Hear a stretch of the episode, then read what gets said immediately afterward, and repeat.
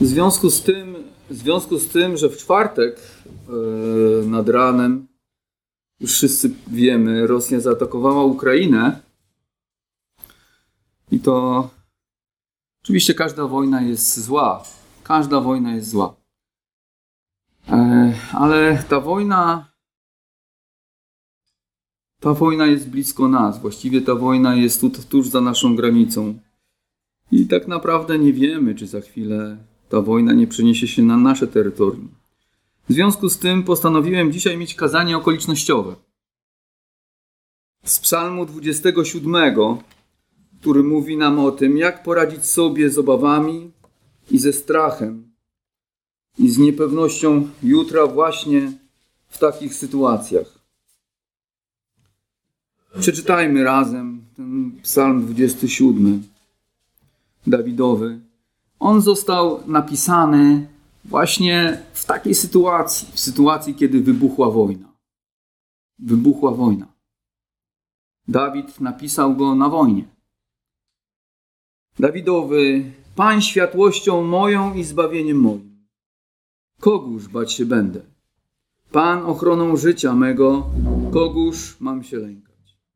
Gdy zacierają, gdy nacierają na mnie złoczyńcy, aby pożreć ciało moje, są oni moimi wrogami, nieprzyjaciółmi. Potkną się i upadną. Choćby rozbili przeciwko mnie obozy, nie ulęknie się serce moje. Choćby wojna wybuchła przeciw mnie, nawet wtedy będę ufał.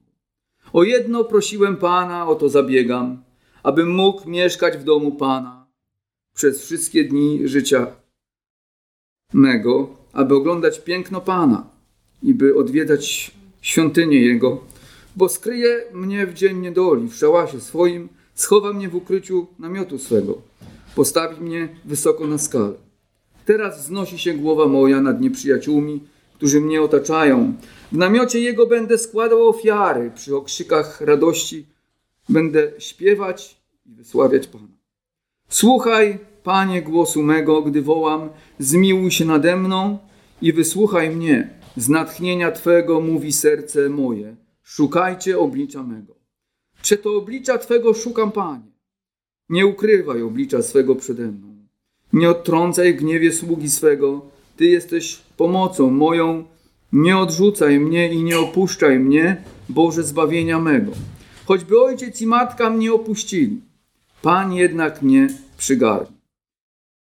Naucz, Panie, drogi swojej i prowadź mnie ścieżką prostą z powodu wrogów moich. Nie wydaj mnie na pastwę wrogów moich, bo fałszywi świadkowie powstają przeciwko mnie i dyszą gwałtem. Ja jednak wierzę, że ujrzę dobroć Pana w krainie żyjących. Miej nadzieję w Panu. Bądź mężny i niech serce Twoje będzie niezłomne. Miej nadzieję w Panu. Gdy dzieją się takie rzeczy jak te na Ukrainie, gdy mają one miejsce niemal obok nas, a widmo wojny realnie zagląda nam w oczy, zadajemy sobie często pytanie, co będzie dalej. Szczególnie w ostatnim okresie doświadczyliśmy takiego trzęsienia ziemi na świecie. Świat trzęsie się w posadach. Dwa lata temu wybuchł ten wirus, który zupełnie przeorganizował właściwie cały świat, wiele krajów. A teraz w Europie wybuchła chyba największa wojna od zakończenia II wojny światowej. I nie wiemy, co dalej będzie. Nie wiemy, jak to się dalej potoczy. Boimy się tego, co przyniesie przyszłość, jak będzie wyglądał nasz jutrzejszy dzień, a po nim kolejny. Wielu się zastanawia, czy obecna wojna nie przeniesie się do naszego kraju. Ja tego nie wiem, może tak być. Tylko Bóg to wie. Może ona przyjść do naszych domów i może przyjść do naszego życia. Wczoraj w sklepie spotkałem jednego z sąsiadów, którego dosyć dawno już nie widziałem. Życzył mi wszystkiego dobrego, a także tego, by nie było u nas wojny. Powiedziałem wtedy do mojej żony: Zobacz, jak szybko zmieniła się sytuacja. Kto jeszcze kilka miesięcy temu składałby nam takie życzenia? Kto pomyślałby, że wydarzenia na taką skalę mogą potoczyć się tak szybko? pewnością ci, którzy widzieli swoje bezpieczeństwo w okolicznościach, w dobrej paście, w szczęściu, pokoju, dobrobycie, coraz bardziej są zaniepokojeni, widząc jak bardzo taki fundament jest niepewny i jak bardzo złudny. Jeszcze niedawno naszym poczuciem bezpieczeństwa, tak jak mówiłem, zachwiał wirus, a teraz wojna. Jedynie pokładanie swojej nadziei w Panu, który jest skałą wieczną, może dać nam poczucie pokoju, nawet w najbardziej niepewnych czasach i trudnych okolicznościach. Któregoś razu właśnie w takim położeniu znalazł się król Dawid. On znalazł się właśnie w sytuacji wojny. Czy teraz Ukraina? Może obywatele państw nadbałtyckich? Psalm 27 został napisany na wojnie. Nie możemy być pewni dokładnie, w jakim okresie historycznym Dawida powstał, ale z pewnością miało to miejsce, gdy jego życie było zagrożone. Być może było to wtedy, gdy ścigał go król Saul. Może wtedy. Dawid nie uciekał przed królem Saulem kilka dni, kilka tygodni, czy nawet miesięcy, ale wiele, wiele lat. Prawdopodobnie kilkanaście. A może wtedy, kiedy zdradził go jego własny syn. Znamy tą historię z Biblii. Zdradził go Absalom i zorganizował przewrót w kraju, a samego Dawida ścigał, aby go zabić.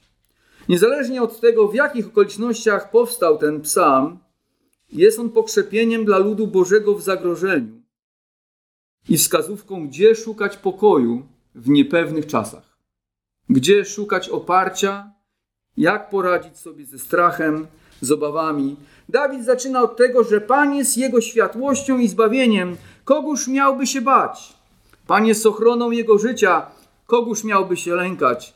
Choć nacierają na niego złoczyńcy, aby pożreć ciało lub inaczej, ci, którzy mają za zadanie przynieść jego głowę. Prawda? Będąc jego nieprzyjaciółmi i wrogami, to Dawid wie, że potkną się i upadną.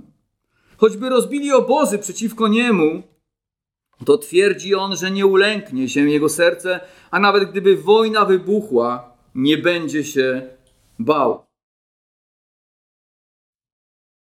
Bardzo łatwo, ja słyszę czasami takie, takie monologi, że pójdę na wojnę. To trochę jest jak w tym kawale. E, jak jeden mówi, pójdę na wojnę, zabiję paru i wrócę.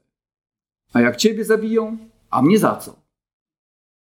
Prawda? Ale niektórzy tak myślą sobie, jak nie ma wojny.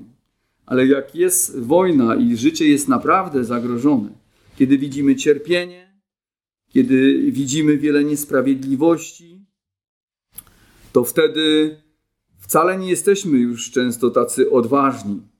Wobec zagrożenia swego życia, w tych słowach Dawid wyraża głęboką ufność, którą ma w Bogu Izraela i to jest pewne lekarstwo na strach. Po pierwsze, zobaczmy, jego ufność w stosunku do Boga jest osobista. Zwróćmy uwagę na nasz psalm. Pan światłością moją i zbawieniem moim, kogóż bać się będę. Tak? Jego ufność jest osobista. On wie, że przez wiarę Bóg stał się dla niego kimś wyjątkowym, a on dla Boga. W nim znalazł światłość, która rozprasza wszelką ciemność i daje nadzieję w najbardziej mrocznych chwilach życia, bo Pan jego zbawieniem, czyli ratunkiem. Biblia mówi, że przez osobistą wiarę w Jezusa Chrystusa Bóg stał się dla nas naszym ukochanym Ojcem, a Jezus naszym umiłowanym Panem i przyjacielem. Przypomnijmy sobie słowa, gdy mówił przed swoim odejściem, że nie nazywa nas już sługami, ale nazwał nas swoimi przyjaciółmi. Ewangelia Jana 15:15. 15.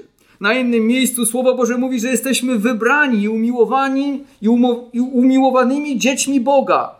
Ale żeby faktycznie tak było, to musimy uchwycić się naszego Pana w sposób osobisty. Musimy zrobić to przez wiarę w Niego. Nie znajdziemy w Bogu żadnego pocieszenia i oparcia, jeśli będziemy polegać na wierze innych lub co gorsza udawać. Nie znajdziemy również w nim żadnego wzmocnienia, jeśli nasza wiara będzie oparta o ceremonie, praktyki religijne, a nie będzie w niej osobistej więzi między Panem Jezusem a nami. Możemy również bardzo wiele słuchać o Bogu, a nawet dużo o nim wiedzieć.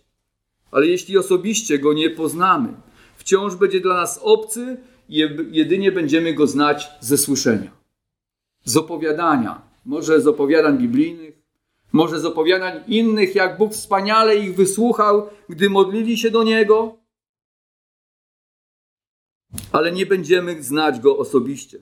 Jest to podobne do tego, że choć znamy z ekranu telewizora wielu sławnych aktorów i w pewnym sensie możemy powiedzieć, że ich znamy, to nie możemy powiedzieć, że są naszymi znajomymi.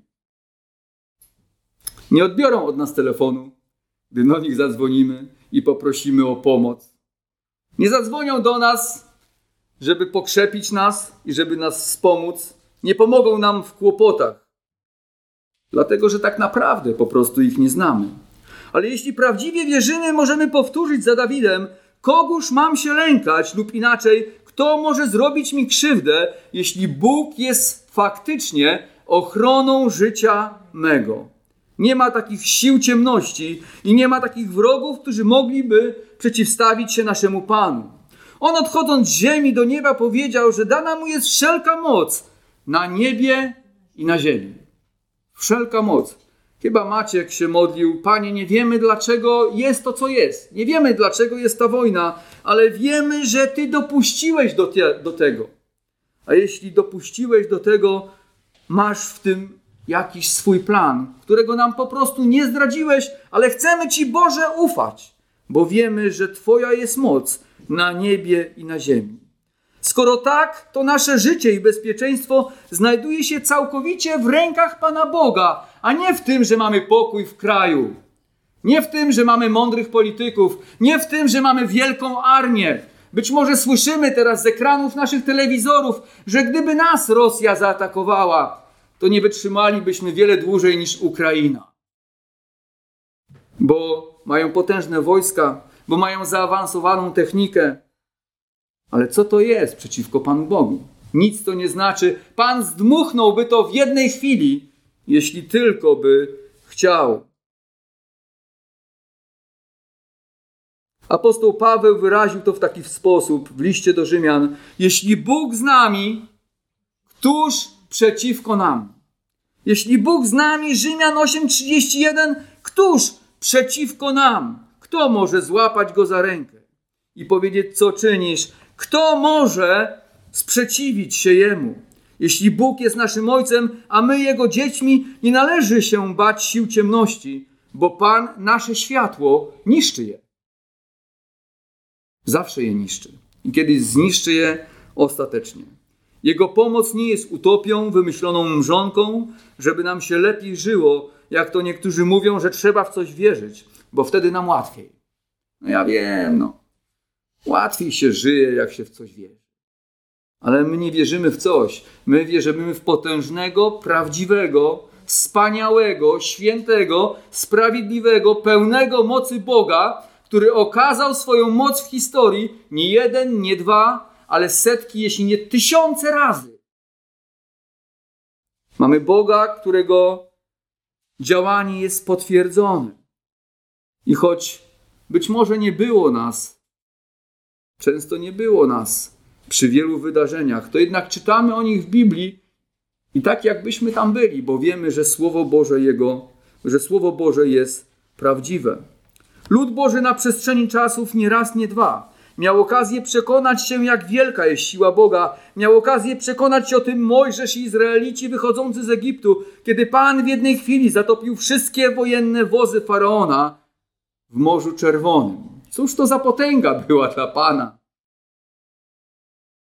Miał okazję przekonać się o tym izraelski król Hiskiarz, którego najechała wielka armia asyryjska, a jego siły przy niej były tak małe, że jego wrogowie kpili i chcieli robić zakłady, że mogą mu dać konie, a i tak nie będzie mógł posadzić na nich żołnierzy. To tak, jakby może Rosja dzisiaj kpiła z Ukrainy, czy z nas. Możemy dać wam czołgi, ale czy potraficie je obsadzić załogami? Tak zachował się król asyryjski.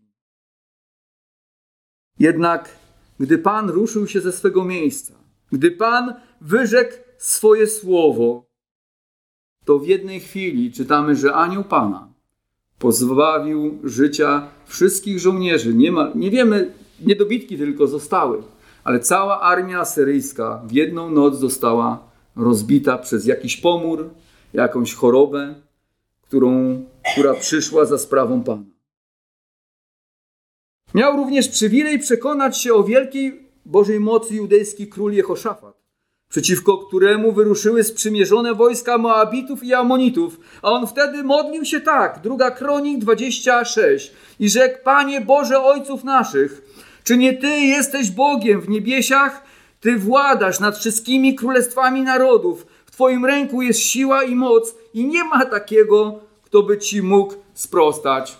Pamiętacie, co Bóg do nich powiedział? Wy nie będziecie walczyć. Wy tylko stójcie i obserwujcie zwycięstwo, jakie da wam Pan. Największym zwycięstwem Pana dla nas jest pokonanie wszystkich nieprzyjacielskich zastępów złego. Władca tego świata został już pokonany, a nam zostało darowane wieczne zbawienie, wieczne bezpieczeństwo i wieczna ochrona. Dlatego możemy powtórzyć za Dawidem, że wszyscy nasi wrogowie potkną się i upadną, bo Pan nas wspiera. Drugi wiersz. Gdy nacierają na mnie złoczyńcy, aby pożreć ciało moje, są oni moimi wrogami i nieprzyjaciółmi. Potkną się i upadną i możemy być całkowicie tego pewni. Dawid oczywiście miał na myśli wrogów doczesnych, ale my w Chrystusie mamy głębsze obietnice. Słowa te dla nas oznaczają, że chrześcijanie ostatecznie zawsze wygrywają, że nasi wrogowie, czy to fizyczni, czy duchowi, nigdy finalnie nad nami nie zatriumfują. Ktoś modlił się tutaj, że Kościół w Ukrainie spotyka się dzisiaj, modli się i śpiewa. Ja widziałem zdjęcia, gdzie to się dzieje chyba na stacji metra. Kiedy ludzie się gromadzą, śpiewają, wysławiają Pana, wiedząc, że nie są w stanie ich pokonać najwięksi wrogowie, bo Pan jest zawsze z nimi i ich wspiera. Nie zatriumfują, bo jeśli nawet w tym porządku rzeczy pokonają nas. To w dzień powrotu Chrystusa z nieba zmartwychwstaniemy i będziemy sędziami wszystkich naszych przeciwników i przeciwników naszego Pana. Jak powiedział apostoł Paweł, że nawet samych upadłych aniołów sądzić będziemy. Nie zatriumfują nad nami, potkną się i upadną. Pewność Dawida o wsparciu Boga wobec zagrożenia jest tak wielka, że nie boi się, gdy widzi przeciwko sobie rozbite obozy czyli wrogów szuku, szuku, szykujących się do walki, a nawet nie boi się, gdy szykujący się do walki wrogowie wyruszają już przeciwko niemu. Czytamy w trzecim wierszu, choćby rozbili przeciwko mnie obozy, nie ulęknie się serce moje, choćby wojna wybuchła przeciwko mnie, nawet wtedy będę ufał. Obecnie nie doświadczamy jeszcze wojny jako obywatele Ukrainy. Ale widmo wojny może zaglądać nam w oczy, jak zaglądało Dawidowi. Nieprzyjaciele jego szykowali się na niego, a on mówił: Nie ulęknie się serce moje, nie dam się przestraszyć, nie będę panikował, jakbym nie miał znikąd pomocy, jakby Bóg mój nie był ze mną i nie miał mocy. Panika i rozpacz wobec sytuacji kryzysowych w życiu wierzącego w Jezusa człowieka jest wynikiem niewiary. To znak, że nasze serce nie zostało tak utwierdzone w Jezusie, jak powinno być, że nie do końca ufamy, iż nasze bezpieczeństwo jest w Jego ręku. Mało tego, Dawid jest gotowy ufać nie tylko wtedy, kiedy wisi nad nim groźba wojny, ale ufa Bogu również wtedy, kiedy wojna już wybuchnie. Niektórzy zachowują wiarę i ufność tylko do pewnej granicy niebezpieczeństwa, którą sobie stawiają ale gdy zostanie ona przekroczona, wtedy ich serce zaczyna opanowywać strach, a nawet mówią, że Boga nie ma, bo nie okazał pomocy. Posługując się przykładem wojny na Ukrainie, wielu chrześcijan jest gotowych wierzyć w opiekę Boga do chwili, gdy wojska rosyjskie nie przekroczą naszej granicy, a NATO będzie dawało nam gwarancję bezpieczeństwa. Póki tak będzie, jesteśmy gotowi ufać, ale kiedy już doszłoby do tego, że Rosja wkroczyłaby do Polski, a na to nie zareagowałoby. Czy wtedy również będziesz ufać i będziesz w stanie powtórzyć za Dawidem, choćby wojna wybuchła przeciwko mnie, nawet wtedy będę ufał. Zobaczmy, że Dawid nie tylko modli się o to, by został wybawiony z sytuacji, w jakiej się znalazł, ale chce w trudnym doświadczeniu zbliżać się do Pana i lepiej Go poznać. Wydaje mi się, że to jest taka okazja, pomimo wszystko, żeby lepiej poznać Pana. Może Pan właśnie teraz chce zgiąć nasze karki i kolana, żebyśmy lepiej mogli Go poznać i zbliżyli się do Niego Wiersz czwarty. O jedno prosiłem Pana, o to zabiegam, abym mógł mieszkać w domu Pana przez wszystkie dni życia mego, aby oglądać piękno Pana i odwiedzać świątynię Jego. Obawy i kryzysy mogą poprowadzić nas w dwóch różnych kierunkach. Jednych oddalają od Pana i pokażą, że ich wiara nie miała korzenia i była płytka, Innych natomiast jeszcze bardziej przyciągną do Boga i sprawią, że lepiej go poznają. Dawid modli się, by kryzys, który go spotkał, sprawił, że jeszcze bardziej zachwyci się pięknem Boga, doświadczając go głębiej niż wcześniej. Przyglądając się mojemu życiu i doświadczeniu z Bogiem, muszę powiedzieć, że to często problemy powodowały, że bardziej szukałem Pana w swoim życiu niż niż wtedy, kiedy ich nie było, a przez to lepiej go poznałem. W tym sensie były dla mnie błogosławione. Gdyby ich nie było, nie doświadczyłbym wielu odpowiedzi Boga na modlitwę i nie widziałbym Jego chwały. Wiele psalmów, które dzisiaj czytamy, są pokrzepieniem dla naszych serc, ale wynikają z doświadczeń Dawida, których Pan go wyratował i wyprowadził. Weźmy pod uwagę to, że w chwilach, gdy pojawiają się problemy i się boimy, to mamy tendencję skupiać się na obiekcie, który powoduje w nas strach. Ale Dawid nie skupiał się na swoich prześladowcach, ale na pięknie i chwale Pana.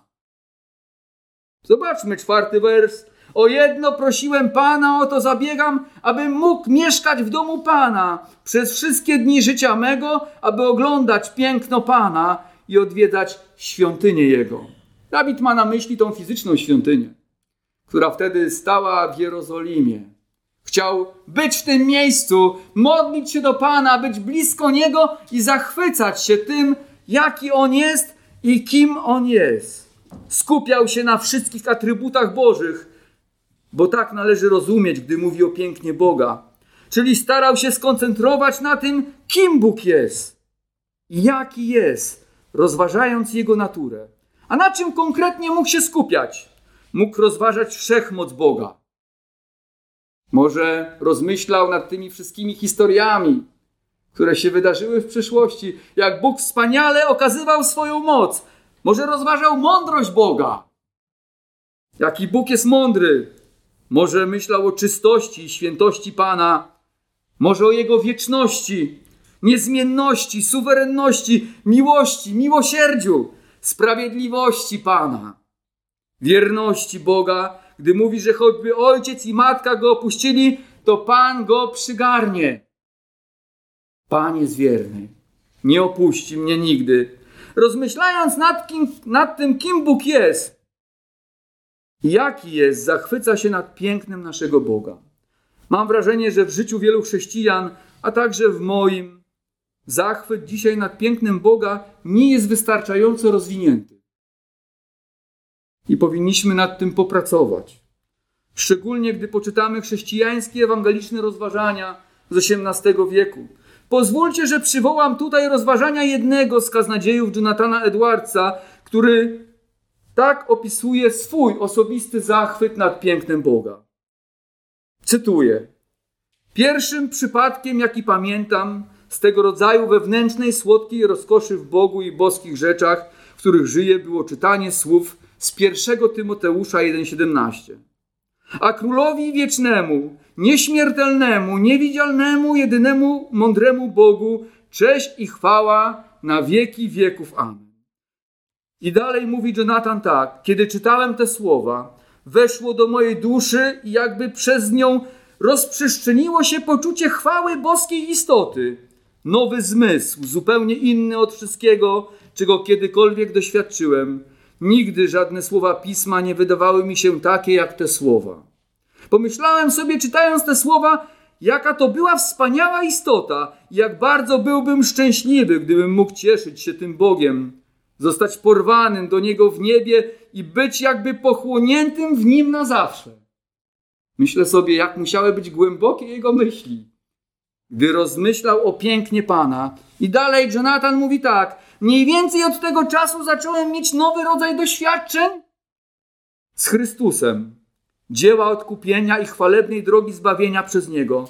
Czasami wewnętrzne, słodkie poczucie tych rzeczy pojawiało się w moim sercu, a moja dusza była pochłonięta w przyjemnych rozmyślaniach i rozważaniach o Ewangelii. Mój umysł był bardzo zajęty czytaniem i rozmyślaniem o Chrystusie, a pięknie i, o pięknie i wspaniałości Jego osoby oraz o cudownej drodze zbawienia przez wolną łaskę w Nim. Często z nienacka rozpala się w moim sercu słodycz, zapał duszy, którego nie umiem wyrazić. Tak rozmyślał Jonathan Edwards nad pięknem Pana. Rozmyślał również Dawid. Czy ja, czy ty rozmyślamy czasami nad pięknem Pana? Rozważamy Jego atrybuty, Jego wspaniałości, myślimy o tym, o wielu rzeczach myślimy w naszym sercu i w naszej głowie, ale czy myślimy o naszym wspaniałym Bogu Jezusie Chrystusie? Czy mamy na to czas, żeby rozmyślać o Jego Ewangelii, Jego słowach? Czy przeżywałeś lub przeżywałaś zachwyt i nadal tak jest nad pięknem Chrystusa? Czy zachwycają Cię Jego atrybuty? Czy je znasz i wiesz, jakie one są? W końcu na czym się skupiamy, gdy zaczynamy się bać? Na obiekcie naszego strachu? Czy na pięknie Pana Jezusa Chrystusa, Jego mocy i Jego Ewangelii? Obawy Dawida i Jonathana Edwardsa zostały złagodzone przez piękno naszego Pana.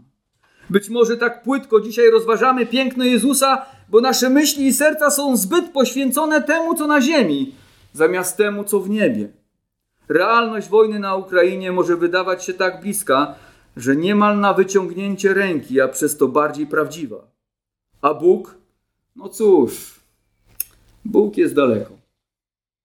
A gdzie? No jest w niebie. I zanim nasza modlitwa do Niego dotrze, jeśli w ogóle do Niego dotrze, i zanim przyjdzie odpowiedź, jeśli w ogóle przyjdzie, to może być już za późno.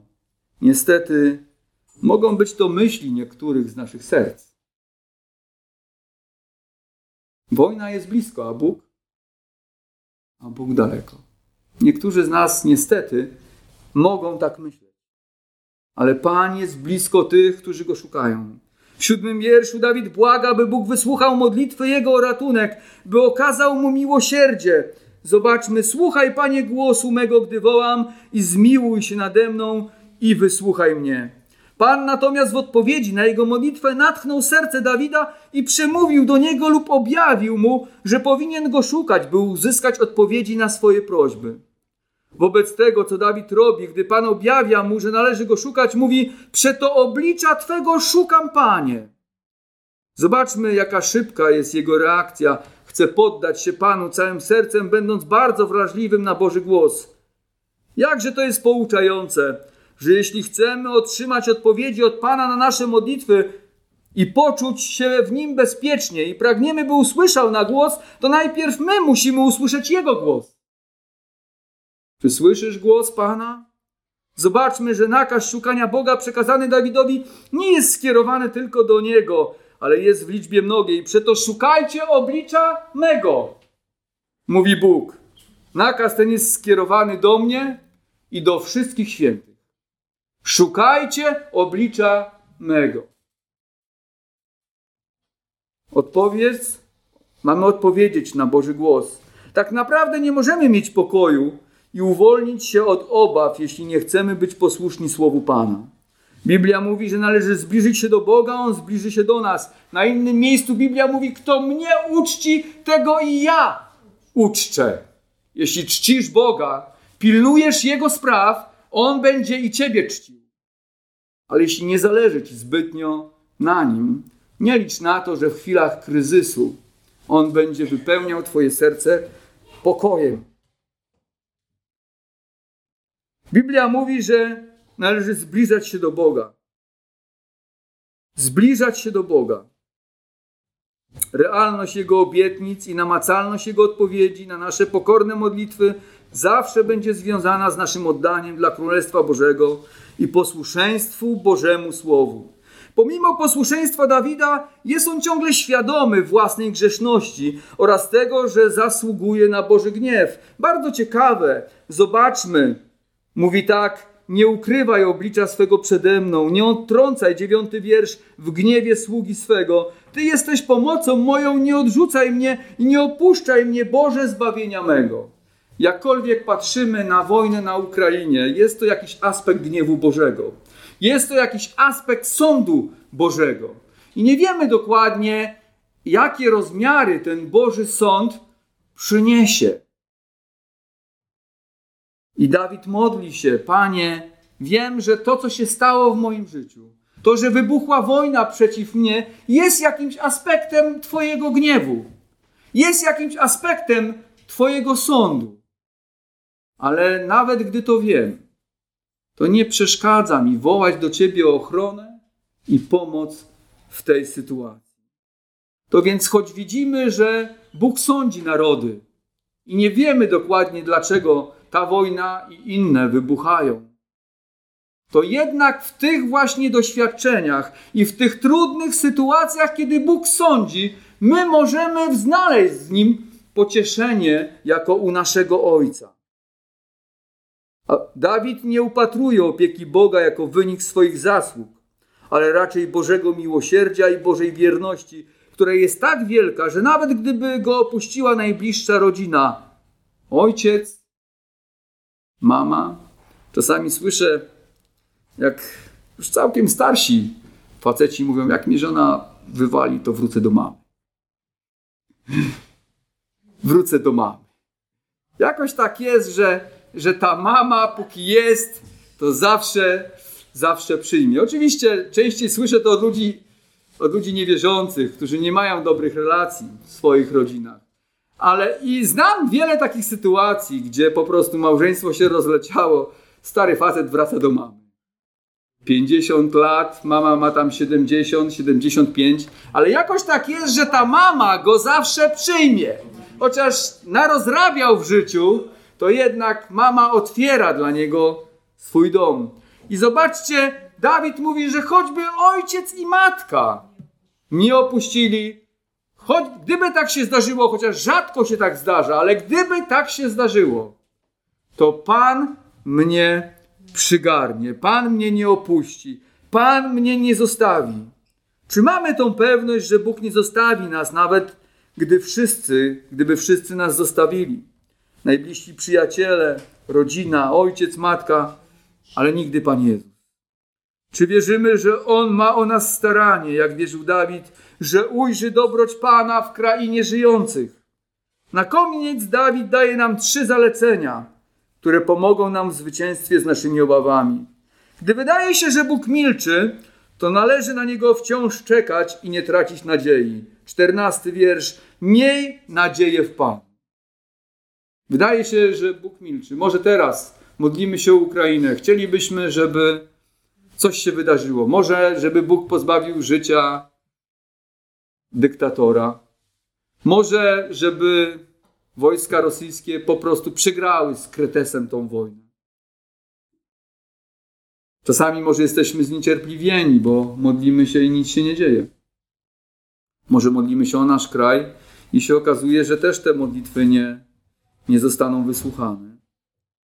Dawid ma dla nas wezwanie, ma dla nas pocieszenie. Miej nadzieję w Panu, nie trać nadziei. Nawet gdy należy czekać, nie trać nadziei, bo w końcu nasi wrogowie potkną się i upadną. Bóg w końcu odpowie. Niestety wielu się zniechęca czekaniem na Pana i nie otrzymują odpowiedzi. Nawet jeśli zagrożenie będzie poważne, nie poddawaj się. Bądź mężny, mówi Dawid, bądź mężny. Lub inaczej, bądź odważny, bądź odważna. I staraj się być w tym niezłomna, niezłomny. Nie daj się złamać. Dużo się mówi w obliczu tej wojny na Ukrainie, ale w ogóle ostatnio zaczęło się sporo mówić o morale, morale wojska jak ważne są morale. I gdy słuchałem niektórych komentarzy związanych z tą wojną, to Wielu ekspertów mówiło, że jedną z najważniejszych rzeczy na wojnie to morale. Nie dać się złamać. Mieć walczącego ducha. My, chrześcijanie, tacy powinniśmy być, chociaż my nie walczymy karabinami. My walczymy miłością, walczymy modlitwą, walczymy dobrocią, walczymy zwiastując słowo Pana i Biblia mówi, że przez to pokonujemy największe warownie złego. Gdy głosimy słowo Pana, ludzie się nawracają i padają w ich życiu te wszystkie rzeczy, które niszczyły ich życie i diabeł musi odejść pokonany. Ale do tego potrzebne są morale. Czyli musimy mieć przeświadczenie, że Bóg jest z nami, że jesteśmy zwycięzcami. Jaką mamy mentalność w naszym sercu? Mentalność człowieka, który się poddaje, który jest zrezygnowany, który jest zrozpaczony, czy jednak mamy mentalność zwycięzcy? Bo gdy czytam Biblię, to widzę, że do takiej mentalności zostaliśmy powołani. Jesteśmy zwycięzcami, cokolwiek by się działo, zawsze zwyciężamy. Dlatego Pan Jezus powiedział, że nawet jeśli by pozbawiono nas życia, zabito nasze ciało, to duszy krzywdy zrobić nie mogą. Mamy życie wieczne, bądź mężny, bądź mężna, lub inaczej odważna, żeby walczyć o Boże rzeczy. I bądź w tym wszystkim niezłomny, niezłomna. To jest właśnie Boży sposób na pokonanie wszystkich naszych lęków. Amen. Zachęcam do powstania i do modlitwy. Panie, bardzo Ci dziękujemy za ten psalm 27. Boże, jaki on jest prawdziwy właśnie w takich sytuacjach, bo powstał na takie sytuacje. Dałeś nam pocieszenie, dałeś nam obietnicę też na czas wojny. Mamy wiele obietnic na czas pokoju, ale mamy też obietnicę na czas wojny. Wtedy, kiedy jest ciężko, wtedy, kiedy się boimy, wtedy, kiedy nie wiemy, co będzie. My mamy w Tobie oparcie. Nasi wrogowie potkną się i upadną. Panie, chcemy mówić to odważnie. Chcemy wierzyć w to. I wiemy, że to nie jest jakaś mrzonka, ale faktycznie tak będzie. Ostatecznie wszyscy nasi wrogowie potkną się i upadną. A Twoje słowo mówi, że samych aniołów sądzić będziemy. Daj nam uchwycić się Twojego słowa, daj nam działać i pomagać, szczególnie tym, którzy takiej pomocy od nas oczekują i potrzebują. Panie, błagamy Cię też o Twoje prowadzenie dla naszego zboru, naszych braci, siostry też na Ukrainie. Boże, prowadź, pomóż nam zachować niezłomnego ducha. Amen.